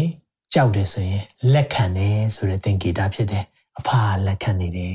သင်လာခဲ့ပါနောင်တနဲ့လာတဲ့သားသမီးတွေအားလုံးကိုအဖကလက်ခံတယ်ဟာလေလုယာနောက်တစ်ခုကအဖအဲ့ဒီအချိန်မှာဘာပြောလဲ तू ကပြောလိုက်တယ် no no no ကျွန်တော်အဖ သားဖြစ်ဖို့မထိုက်တန်ဘူးဗျာအဲ့လိုပြောလဲပြောလိုက်ရောအဖေကဟုတ်တယ်ကွာမင်းငါသားမဖြစ်သင့်ဘူး condemnation being judged စီရင်ခံတာเนาะကျွန်တော်တို့ကိုတရားယောက်ကအပြစ်ဖို့မှာအဲ့ဒါကိုကြောက်တတ်တယ်เนาะကျွန်တော်တို့အပြစ်လုံးမိပြီလေအပြစ်လောက်ထားပြီးပြီလေ तू ကအပြစ်လောက်ထားပြီးတဲ့ခါမှာကျွန်တော်တို့ကအမြဲတမ်းပုံရှောင်တတ်တယ်ဟုတ်တယ်နော်ဒါအစကတည်းကကျွန်တော်တို့ရဲ့ဟိုးအဖေမေလက်ထက်ကတည်းကဟလာ အာဒန်နဲ့အေဝါနော်ကျွန်တော်တို့ရဲ့မိဘလက်ထက်ကတည်းကဖြစ်တာဖေမေအာဒန်အေဝါအပြစ်လို့တော့သူတို့သူတို့ဘာဖြစ်လဲမလုံခြုံဘူးကြည်တော့ဟာငါတို့ naked ငါတို့ကိုလုံးဒီဖြစ်နေပါလားဘာလုပ်လဲသူတို့ပုံနေပုံတဲ့အခါမှာဖះကဘာလုပ်ပေးလဲသိုးတငယ်နဲ့သိုးတငယ်ရဲ့တရီနဲ့ လွမ်းချုံပေးတယ်အဲ့ဒါဘာကိုပုံဖော်လဲသိလားအပြစ်ရှိတဲ့သူသိုးတငယ်သခင်ယေရှုရဲ့အသွေးနဲ့သခင်ယေရှုက cover လုပ်ပေးတယ်ကာယံပေးတယ်သိုးတငယ်ကဒီအရာအတွက်ကာယံပေးတယ်ဆိုတဲ့ပုံဖော်ခြင်းဖြစ်တယ်အဲ့ကလေးကကားတိုင်းရဲ့ပုံပေါ်နေတာထုံနည်း၎င်းပဲဒီနေ့ပျောက်သောသားကိုကြည့်တဲ့အခါမှာမတွေ့ရလဲစီရင်ကားမှာသူကြောက်တယ်ဒါပေမဲ့အဖေကဘာနဲ့လွှမ်းခြုံပေးလိုက်လဲ ဖြောက်မှတ်ခြင်းဝိလုံနဲ့လွှမ်းခြုံပေးတာမိတ်ဆွေဒီနေ့မဖြောက်မှတ်ဘူးကိုဟာကိုအားငယ်စိတ်နဲ့ငါအပြစ်လုံးမိပြီဆိုပြီးတော့ condemnation เนาะကိုဟာကို condemn လုပ်တယ်ဆိုတာကိုယ့်ကိုအပြစ်တင်လို့မပြီးဘူးเนาะဒါကြောင့်မလို့เนาะကြောက်ခင်းနဲ့ကိုဟာကိုချစ်နေလားကိုဟာကို self harm လုပ်နေတဲ့သူအများကြီးရှိတယ်ငါငါအသုံးမကျတာငါဒီလိုမဆုံးဖြတ်ခဲ့တဲ့ဘူးပြီးသွားပြီလေဆုံးဖြတ်ပြီးသွားပြီလေအမားတွေက ပြန်လှုပ်လို့မရတော့ဘူးလေတခါလေကျွန်တော်တို့အဲ့ဒါနဲ့အပြစ်ဖိုးပြီးတော့လုံနေဖို့တဲ့ဒီနေ့မှာဘာနဲ့လွှမ်းခြုံပေးဖို့လို့လဲဖြောင်းမှချင်းနဲ့လွှမ်းခြုံပေးလိုက်တာတိတယ်သားသားမပြည့်စုံဆိုတာအဖေနားလေတယ်။သားအပြစ်လုပ်ထားတယ်ဆိုတာနားလေတယ်။ဒါပေမဲ့နောင်တနဲ့ပြန်လာတဲ့သားဖြစ်တဲ့အတွက်သူပါဇက်ကဝန်ခံပြီးပြီလေ။သူ့ခြေလမ်းကနံပါတ်1ဝန်ခံတာ။အဲ့သူ့ခြေလမ်းမဝန်ခံရင်သူ့အတွေးခေါ်အရင်ဝန်ခံတာ။ ငါပြောင်းလဲမှရတော့မယ်။ငါအိမ်ပြန်မှရတော့မယ်။ပြီးတော့သူ့ခြေလမ်းကနံပါတ်2လိုက်လာ။နံပါတ်3သူ့ပါဇက်ကဖွင့်ပြောတယ်။ကိုရောပြစ်မှားမိပါပြီ။အဲ့လိုပြောတဲ့အခါမှာဝေယုံခြုံပေးလိုက်တယ်။ဟာလေလုယာဘလောက်လှပလဲ။ဒီမှာကြည့်တဲ့အခါမှာ fear of being judged ကျွန်တော်တို့ကိုစီရင်မှာကြောက်တယ်ဆိုရင်လေဖခင်ကသင်လူတွေတွေးခေါ်တယ်လို့မတွေးခေါ်ဘူးဒါလေးကိုနားလည်လိုက်ကျွန်တော်တို့ကတော့စီရင်လိုက်မယ်နော်ဟောဟုတ်တယ်မင်းဟိုကလှုပ်ခဲ့တာနောက်တော့မလှုပ်နဲ့ နော်ကျွန်တော်နည်းနည်းပပလေးကိုမှန်တယ်ဆိုတာပြချင်ကြတယ်ဖခင်ရဲ့မေတ္တာလို့မဟုတ်ဘူး။ဒါကြောင့်မလို့လေတော့နားလဲပါဒီနေ့ဖခင်ကဒီနေ့ဝတ်လုံနဲ့ဝတ်လုံပေးတယ်ခြုံပေးလိုက်တယ်ဟာလေလုယာနံပါတ်၄အဲ့ဒီမှာပြီးလဲပြီးရောလက်စွပ်ဝတ်ပေးတယ်တဲ့ကျမ်းစာပြောတယ်ဘာကိုပြောချင်တာလဲအဲ့ဒီတုန်းကလက်စွပ်စွတ်ထားတယ်ဆိုရင်နော်ဘာကိုပြတာလဲဆိုတော့ approve approve လုပ်တယ်ဆိုတာသဘောတူတယ်ဆိုတာကိုပြတာဘာလို့ဆိုကျွန်တော်တို့ကလူတွေကိုကိုကိုကိုကိုသဘောမတူမှအရန်ကြောက်တယ်ဘာကြောင့်လူတွေ Facebook ကြိုက်လဲသိလားသင်ကြိုက်တာရေးထောက်ခံတဲ့လူရှိတယ်သင်မှားမှားမှန်မှန်ထောက်ခံတဲ့လူရှိတယ်ဟုတ်လားနော်ကြိုက်တာရေးကြည့်မဟုတ်တာအတိတ်ပဲမရှိတာရေးကြည့်အနောက်မှာအာမင်ထူးတဲ့ဖွဲ့ရရှိသေးတယ်နော်ဆိုတော့အဲ့လိုတွေးရတဲ့အခါမှာလူတွေက Facebook ကြိုက်တယ်ဘာထင်သွားလဲဆိုတော့ အော်ငါပြောတာမှန်တာပေါ့ဒီမှာ like များတာလေ like များတော့ share များတယ်ဆိုတော့တကယ်တော့လူတွေကလေ like များတိုင်း share များတိုင်းသင်မှန်တယ်မထင်နဲ့နော်ကျွန်တော်ရှောက်ရေးတဲ့ဟာတွေလည်းလူတွေ share နေကြတာပဲအခုသတင်းတွေရှောက်ဖွာနေတဲ့ဟာတွေလူတွေက share နေတာပဲလူတွေမှလေအမှားမှန်ခွဲခြားတတ်တဲ့အရာတအားနေသွားပြီ။အဲကြောင့်ကျွန်တော်တို့တော်တော်များများ Facebook သဘောကျတယ်။ကြိုက်တာရေးထောက်ခံတယ်။ဒါပေမဲ့အဲ့ဒါကနော် online မှာ အခုချိန်မှာအခုနော်ပြောတဲ့အရာတွေမှာထောက်ခံတော့အာငါမှာနောက် like တွေရှိတယ် follower တွေရှိတယ်ဆိုတော့ငါမှန်တယ်ဆိုပြီးကိုယ့်ရဲ့မာနကိုစီလောင်းပေးနေတာကိုယ့်ရဲ့မာနကိုလေနော်ဟို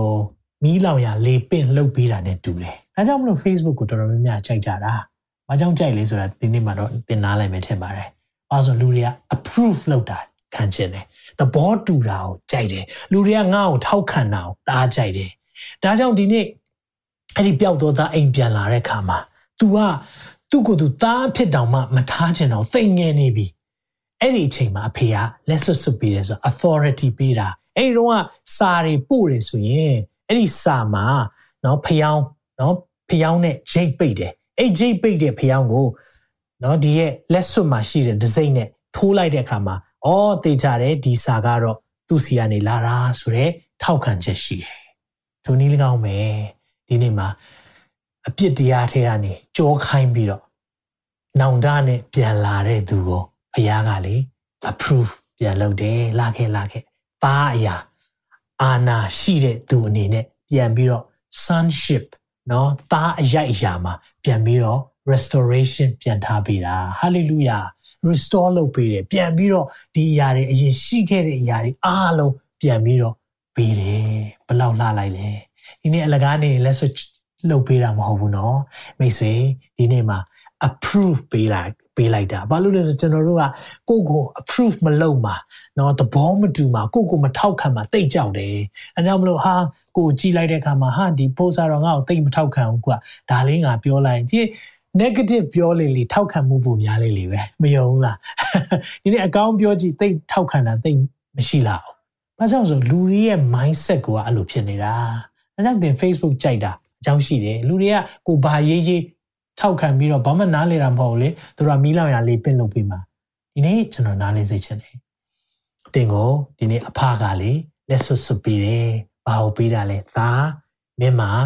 အာနာရှိတယ်မင်းမှာ status ရှိတယ်မင်းမှာအရိုက်အရာရှိတယ်မင်းမှာ authority အခွင့်အာဏာရထားတယ်ဆိုတာပေးတာဒါကြောင့်ကျွန်တော်တို့ဒီကိုကိုကိုသဘောမတူမှကြောက်တယ်ဆိုရင်အဖကတင်ကိုလက်ဆွချွတ်လက်ဆွဝတ်ပေးပြီးတော့ approve သဘောတူတယ်ဆိုတဲ့အရာကိုပုံပေါ်ထားတယ် hallelujah စင်ပြေကြလားမသိဘူးဟုတ်ပြီပြီးတော့မလုပ်ပေးလဲဖနက်စီးပေးတယ်တဲ့ခြေနင်းပေါ့နော်ကျွန်တော်တို့ခြေနင်းလို့ပြောတဲ့အခါမှာဖနက်ကိုပြောတာအဲ့တော့ကျွန်နေကဖနက်မစီဘူးဒါပေမဲ့သားတွေနဲ့သခင်တွေကတော့ဖနက်စီတယ် ဒီနေ့မရေရာမှုဖြစ်တာသိကြောက်တယ်မရေရာဘူးဆိုကျွန်တော်တို့ဘယ်သွားမှမသိတော့အခုလမ်းသွားလိုက်ကြည့်လေလမ်းသွားနေရင်လမ်းလမ်းလမ်းစုံရောက်လာရင်ဘာဖြစ်သွားလဲကျွန်တော်တို့မရေရာဘူးဆိုရင်ရက်သွားတယ်ဟုတ်တယ်မလားကျွန်တော်ခြေလမ်းနေမတုံသွားဘူးလားတုံသွားတယ်ဒီဘက်သွားမှာလားဒီဘက်သွားမှာလားအဲကျွန်တော်တို့ကနှုတ်ကပတ်တော်ဟာကျွန်ုပ်ခြေရှိမှာမိခွက်ဖြစ်၍ကျွန်ုပ်လမ်းကိုလင်းစေတယ်ဆိုတာဒီနှုတ်ကပတ်တော်ဟာလေမလှုပ်ပေးလေသိလားသင်ရဲ့ သွားရမယ်လမ်းကိုပြပေးတာဒါကြောင့်ကျွန်တော်တို့နှုတ်ကပတ်တော်ခံယူဖို့သိအရေးကြီးတာမိတ်ဆွေနှုတ်ကပတ်တော်ခံယူခြင်းကသင်ဘာသွားရမလဲဘာလုပ်ရမလဲဘာကြံရမလဲအားလုံးကိုခြေရှိမှမိခွက်ဆိုတာအဲ့ဒီမိခွက်ကအမြဲတမ်းစီထွန်းညင်နေဖို့လိုတယ် uncertainty အခုချိန်မှာလေမရေရာမှုတွေဖြစ်နေမြန်မာနိုင်ငံရဲ့ပတ်သက်ပြီးတော့ကျွန်တော်ဘဝမှာဘာတွေလုပ်ရမလဲအလုပ်တွေပြုတ်ကြတယ်နော် ရှိရေးဘာလုံးမှမသိဘူးမရေရာမှုတွေဖြစ်တဲ့အချိန်မှာအဖေကကဲဖနက်စီခိုင်းတယ်လို့ပြောတဲ့အခါမှာဒါသွားလို့ရပြီဒါသွားမယ်ဆိုရင်ဒါအတွက်အထောက်မှာပဲဒီနေ့ဖေကကျွန်တော်တို့ direction ပေးချင်တာတင့်ကိုကြွအနေနဲ့မထားဘူးသားအရာမှာထားတယ်ဆိုတဲ့အနှစ်သာရကိုပြတာဟာလေလုယာအဲကြောင့်ဒီနေ့ဖခင်ကကျွန်တော်တို့ကိုပေးတယ် ဒီနေ့ခြေစွန်းနဲ့ပတ်သက်ပြီးတော့ခြေနှင်းပေါ့နော်အေဝင်ကလေးခြေစွန်းဟုတ်လားကျွန်တော်တို့ကိုအေဝင်ကလေးဟောဖို့ရန်အတွက်လေဖခင်ကအလိုတော်ရှိတာသားဖြစ်ပြီဆိုတော့သားရဲ့လောက်ရမယ့်အရာသားဆက်လုပ်တော့ဒီအရာကိုဖခင်က uncertainty မရေရာမှုတွေကိုကြောက်နေတာမရေရာမှုတွေဖြစ်တာကိုကြောက်တယ်ဆိုရင်အဖေကဒီနေ့ဖဏတ်ပေးတယ်ဆိုတာသင်ကိုမရေရာဘူးမသွားနိုင်အောင်တုံဆိုင်နေတဲ့အရာတွေမရှိဘဲနဲ့ဆက်ပြီးတော့သွားနိုင်အောင်အဖေက မေတ္တာပြနေတယ်ဟာလေလုယာနောက်တစ်ခုလက်ဆောင်ပေးသေးတယ်အဆူဖြိုးတဲ့နွားတိုက်ရအောင်ကျွန်တော်တို့ကဘာကိုကြောက်လဲဒီလား fear of luck ဆင်းရဲမှောင်သိကြောက်တယ်နော်ဆင်းရဲမှောင်ကြောက်တယ်ကျွန်တော်မဖူးလုံးမှောင်သိကြောက်တယ်ဟုတ်တာကျွန်တော်ဘာစားမယ်မသိတဲ့အခါမှာဟာရှေ့ဆက်ဘယ်လိုလုပ်ရမလဲသိကြောက်တယ်မိဘတွေဆိုပို့ဆိုးတယ်ကိုသားသမီးတွေဘယ်လိုရှေ့ရေးတာဝန်ယူရမလဲသိကြောက်တယ်အဲကြောင့်သာရဖျားသည်ငါဤ သို့ထိန်ဖြစ်တယ်လို့လည်းဝန်ခံပါအောင်သာရဖျားသည်ငါဤသို့ထိန်ဖြစ်တော်မူ၏ငါသည်စင်ရဲမခံရသာရဖျားဟာတင့်ရဲ့သိုးထိန်ဖြစ်တယ်ဆိုဘယ်တော့မှမစင်ရဘူးဘယ်တော့မှ lacking မဖြစ်ဘူးဆိုတာလိုအပ်ချက်မရှိဘူးပြောချင်တာချမ်းသာမယ်ပြောတာမဟုတ်ဘူးเนาะငွေကြေးနဲ့ချမ်းသာရမယ်အဲ့တော့ပြောတာမဟုတ်ဘူးเนาะဖျားသိုးထိန်ဖြစ်တယ်ဆိုရင်ဘာအောင်ပြောချင်တာလဲ i i have nothing in need တော့ကိုမဖျားသာသိုးထိန်ဖြစ်တယ်ဆိုရင် i lack nothing ဆိုတာ ငါမှလိုအပ်ချက်မရှိတော့ဘူးဖျားပြည့်စုံတဲ့အရှင်လေအဲ့ဒါကိုပြောတာဆိုတော့စူဖြိုးတဲ့နွားကိုတတ်ပြီးတယ်ဆိုတဲ့ဘောကဘုရားကငါချွေးမွေးနိုင်တယ်ဟာလေလုယာ I am your provider ငါကမင်းကိုပြင်ဆင်ပေးတဲ့အရှင်အာမင် Jehovah Jireh လို့ခေါ်တယ် my provider Jireh ရှိတယ်ဆိုရင်စရာမလိုဘူးဖခင်ကပြင်ဆင်ပေးတော်သူဖြစ်တယ်ဆိုတဲ့ သက်သေဖြစ်တယ်ဒီနေ့မှာဖခင်ကလေစူဖြိုးတဲ့နွားကိုထထပေးတာနောင်တနဲ့ပြန်လာတဲ့သားလာရင်ကျွေးဖို့ရှိတယ်ဟာလေလုယာဒါမဲ့အဲ့စုဖြိုးအောင်ထားတဲ့နွားကိုစားခြင်းသလားဝက်စာကိုစားခြင်းသလားဆိုတာသင်ဆုံးဖြတ်ရမယ်ဒီနေ့ဝက်စာစားတဲ့သားအဖလိုက်မရှာဘူးဝက်စာစားနေတဲ့၍ဝက်စာစားရတာကိုပျော်နေတဲ့၍ရတော့စုဖြိုးတဲ့နွားသင်တို့မဟုတ်ဘူးဒါမဲ့သင်အတွက် ပြင်ဆင်ထားတာနော်ဖះအသင်အတွက်ဆူဖြိုးရနာပြင်ဆင်ပြီးသားပြီ။ဘာကြောင့်လဲမှလဲပြန်လာခဲ့ပါ။အဖရဲ့ရင်ခွင်နဲ့ပြန်လာခဲ့ပါ။အဖရဲ့အိမ်ကိုပြန်လာခဲ့ပါ။နောင်တနဲ့အဲ့ဒီခြေလမ်းနေစလန်းလာလိုက်။ဒီနေ့ဘာကြောင့်မလို့အဖေကလည်းမဆုံးမတော့လေအဲ့ချိန်မှာနောင်တရပြီဆိုတော့ခြေလမ်းပေါ်နေပြီလေ။သူ့ရဲ့အပြုတ်အမူသူ့ရဲ့ action မှာပြနေပြီ။သူနောင်တတကယ်ရလို့ပြန်လာတာ။နောင်တတကယ်မရမချင်းသူကနေနေအောင်ပါ။ ဒါပေမဲ့ तू အိမ်ဟိုရောက်လာပြီဆိုကြတဲ့ကသူ့မှာနောင်တနဲ့ကြည်ကွဲခြင်းရှိလို့သူလာတယ်ဆိုတာကိုပြတယ် action speaks louder တဲ့ဒီနေ့ကျွန်တော်တို့ရဲ့လောက်ကင်မှုကပို့ပြီးတော့သက်သေထူတယ်အဲကြောင့်သင်ဘုရားရှိမှဒီနေ့မှာပြန်လာခြင်းနဲ့ဆိုရင်ဘုရားကအခွင့်ပေးနေတယ်ဟာလေလုယာဒီဘုရားကျွန်တော်တို့ကိုစုဖြိုးတဲ့နွားနဲ့သင်ကိုဒီနေ့စောင့်မျှော်နေတယ်ဘာကြောင့်လဲဆင်းရဲမှကြောက်လား သင်လိုအပ်ချက်ရှိမှကြောက်ရင်လေပြည့်စုံတဲ့အရှင်ရှိတယ်ဆိုတဲ့အရာကိုပုံဆောင်တာဖြစ်တယ်။နောက်ဆုံးအဖေလုပ်ပေးတဲ့အရာလက်ဆောင်တစ်ခုကပါလေ။ The feast စားတော့ပွဲပွဲတော်ကျင်းပပေးတယ်။ဘာကိုပြတာလဲ။ Fear of being cursed ဆိုတာချိန်ဆခံရမှာငါတို့တော့ဒုက္ခရောက်တော့မယ်ဆိုတာမဟုတ်ဘဲနဲ့ကောင်းကြီးမင်္ဂလာကိုပြတယ်။အမြဲတမ်းပွဲတော်ဆိုတဲ့အရာ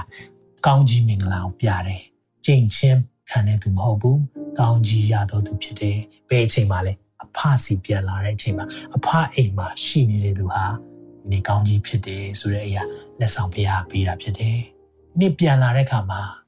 ပွဲလုပ်ပေးတယ်ကြီးမားစွာကျင်းပပေးတယ်မိတ်ဆွေသခင်ကသင်ကိုအလောက်ထိချစ်တာနော်ဒီနေ့ကျွန်တော်ဖရဲ့မြတ်တာကိုပုံဖော်တဲ့အခါမှာစကလုံးမရှိပါဘူးအမေကျွန်တော်ဆုတောင်းထားတယ် ကျွန်တော်ပြောလိုက်တဲ့အရာတစ်ခုချင်းစီတိုင်းမှာတန်ရှင်းသောဝိညာဉ်တော်ဖျားတင်းကိုတိုက်ရိုက်စကားပြောပါစေဒီနေ့တချို့တွေအိမ်မှာနေပြီးတော့မရေရာမှုဖြစ်နေလားဒီနေ့အဖကတင်းကိုလေကင်မဖို့စောင့်နေတယ်ဟာလေလုယာအဖေကလက်ဆောင်9မျိုးရှိတယ်နော်အဲ့ဒီလက်ဆောင်9မျိုးနဲ့ပြည့်စုံတဲ့မေတ္တာကျမ်းစာဘာပြောလဲကျွန်တော်ဒါလေးတွေကိုကြည့်ရခါမှာထွေးပွေခြင်းဖေရပေးတယ်လက်ဆောင်နမ်းရှိုက်ခြင်းနဲ့ဖေရပေးတယ် ဘာကြောင့်လဲသင် reject ဖြစ်မှာသင်အငင်းခံရမှာကြောက်လို့ထွေးပွေထားတာသင် lonely သင်တယောက်တည်းအထီးကျန်တာဆိုတဲ့အခါမှာအဖေကထွေးပွေထားလိုက်မယ်သင်ညင်းပယ်ခံမှာကြောက်တယ်ဆိုအဖေကသင်ကိုနမ်းရှိုက်လိုက်မယ်သင်စီရင်ခံမှာကြောက်တယ်ဆိုအဖေကသင်ကိုလေလုံခြုံမှုပေးတဲ့ဝတ်လုံနဲ့လွှမ်းခြုံထားလိုက်မယ်သင်သဘောမတူတာနော်လူတွေကကိုယ့်ကိုသဘောမတူမှာကိုနဲ့ approve မလုပ်မှာကြောက်တယ်ဆိုရင်တော့အဖေကသင်ကိုလက်စွပ်စွပ်ပေးပြီးတော့ authority အပြည့်ပေးထားတယ်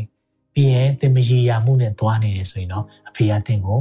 ခြေနဲ့ဖနက်စီပေးလိုက်မယ်သင်ဆင်းရဲမှာကြောက်တယ်ဆိုရင်တော့အဖေကသင်စားဖို့မရှိဘူးထင်တယ်ဆိုရင်တော့အဖေမှာတကယ်ကိုစုဖြိုးတဲ့နွားရှိနေတယ်ပြီးရင်တော့သင်ဟာချိန်ချင်းခံမှာကြောက်တယ်ဆိုရင်အဖေကတော့ကောင်းကြီးမင်္ဂလာဖြစ်တဲ့ ကျေးဇူးတော်ချီးမွမ်းခြင်းပွဲလုပ်ပေးဖို့အစဉ်သင့်ရှိတယ်ဟာလေလုယာအကြောင်းကျမ်းစာဘာပြောလဲချစ်ခြင်းမေတ္တာ၌ကြောက်စိတ်မရှိနိုင်ဖခင်ရဲ့မေတ္တာတကယ်ရသွားပြီဖခင်ပေးတဲ့အဲ့ဒီလက်ဆောင်ခုနှစ်ခုကိုရသွားပြီဆိုရင်ခုနကြောက်တဲ့အရာတွေအတွက်နေရာမရှိတော့ဘူးပြေဝစုံနေတဲ့မေတ္တာအဲ့ဒီခုနှစ်မျိုးကိုပြောတာပြေဝစုံနေတဲ့မေတ္တာသည်ကြောက်စိတ်ကို ပယ်ရှားတတ်တယ်။ကြောက်စိတ်သည်အပြစ်ဒဏ်ခံရမှုကိုစောင့်မျှော်တတ်သဖြင့်ကြောက်စိတ်ရှိသောသူ၌မေတ္တာပြေဝစုံလင်ခြင်းမရှိဘူး။ဒီနေ့မကြောက်ပါနဲ့မိတ်ဆွေ။ဒီနေ့သင်ကြောက်တယ်ဆိုတာတခုတော့ရှိတယ်။နောင်တမရခြင်းပဲနဲ့အဖေစုပါအောင်ကြောက်ပြီးတော့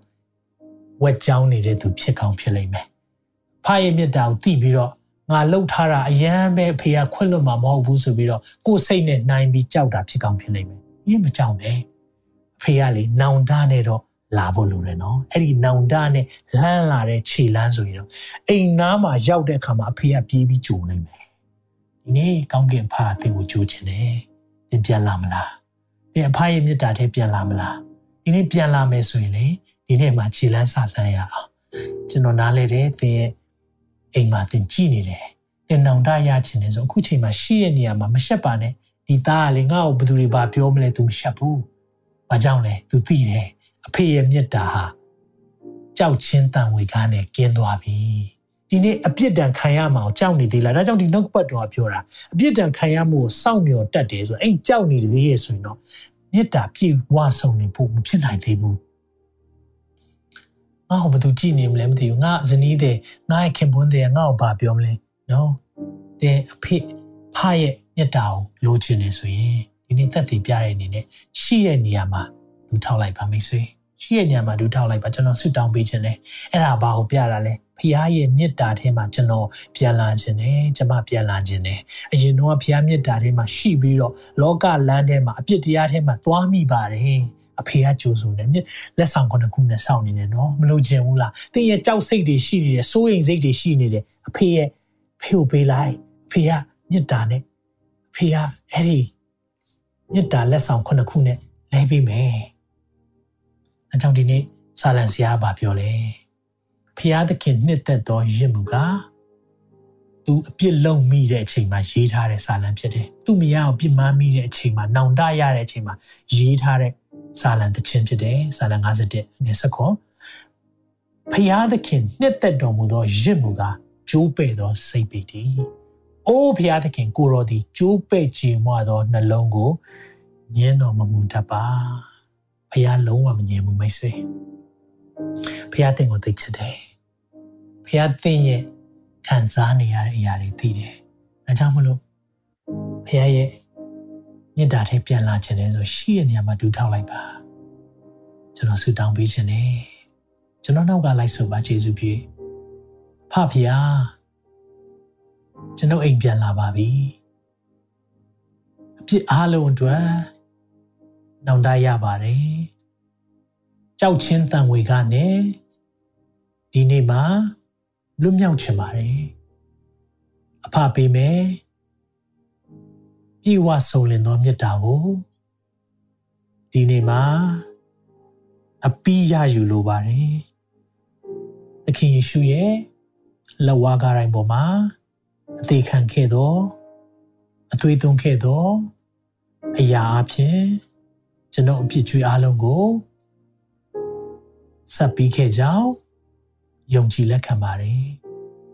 အပြစ်အလုံးအတွက်နောင်တရလျက်ဘုရောထံလာပါတယ်ဘုရောမြတ်တာနဲ့ထွေးပေးပေးပါဘုရောမြတ်တာနဲ့လမ်းရှိုက်ပေးပါဘုရောမြတ်တာနဲ့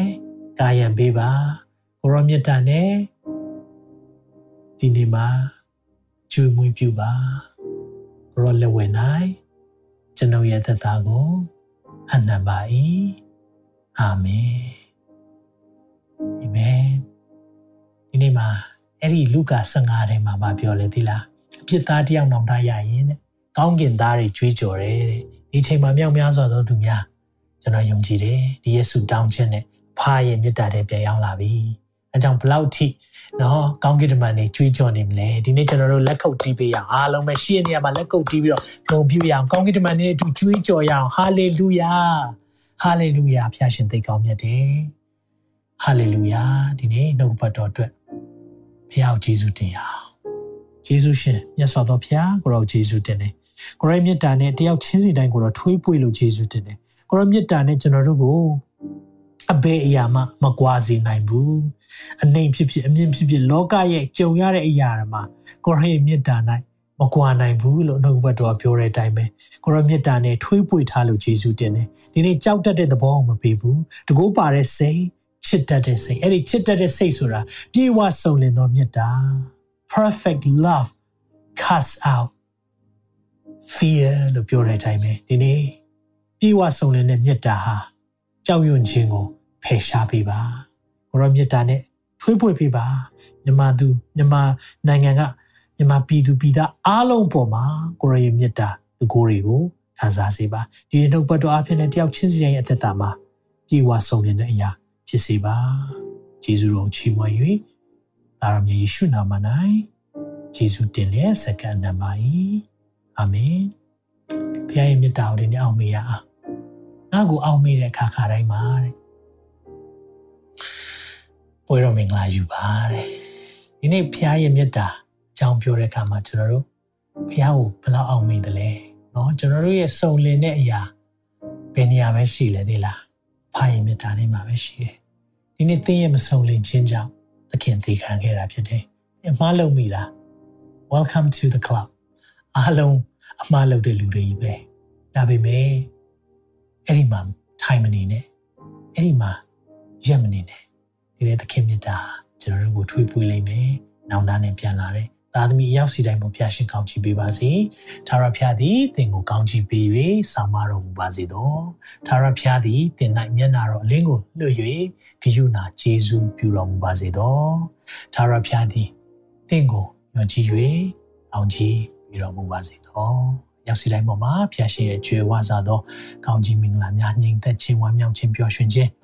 လူတွေရဲ့ကြံစိုက်ကြံစီတဲ့တိုင်းတာလို့မရတဲ့ငွေချင်းနဲ့ဝယ်ယူလို့မရတဲ့ဘုရားရဲ့ညီသက်ခြင်းများတက်ရောက်ပါစေလို့ယေရှုနာမ၌ကောင်းချီးပေးဆုတောင်းပါတယ်အားလုံးပဲပြန်တွေ့ရအောင်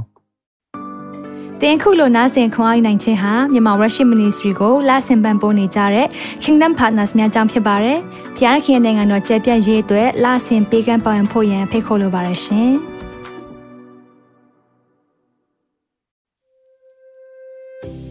အခုကြားနာခဲ့ရတဲ့နှုတ်ပတ်တော်အဖြစ်ခွန်အားရရှိမဲ့လို့ယုံကြည်မျှော်လင့်ပါတယ်။ခွာရရဆိုလို့ရှိရင်ဒီတစ်ပတ်နဲ့ပြန်လည်ဝင်မြပေးဖို့ရန်တောင်းဆိုပါရစေ မြန်မာ Worship Ministry ရဲ့ website myanmarworship.com ကိုလည်းလာရောက်လေ့လာဖို့ရန်တွဲဖိတ်ခေါ်ချင်ပါတယ်။တချိန်ထဲမှာမြန်မာ Worship Ministry ရဲ့ social media platform များဖြစ်တဲ့မြန်မာ Worship YouTube Channel, မြန်မာ Worship Facebook Page နဲ့မြန်မာ Worship Instagram များကိုလည်းလာရောက်လေ့လာဖို့ရန်တွဲဖိတ်ခေါ်ချင်ပါတယ်။နောက်တစ်ချိန်မှာပြန်လည်ဆုံတွေ့ကြပါစို့။ဖျားရှင်ကောင်းကြီးပေးပါစေ။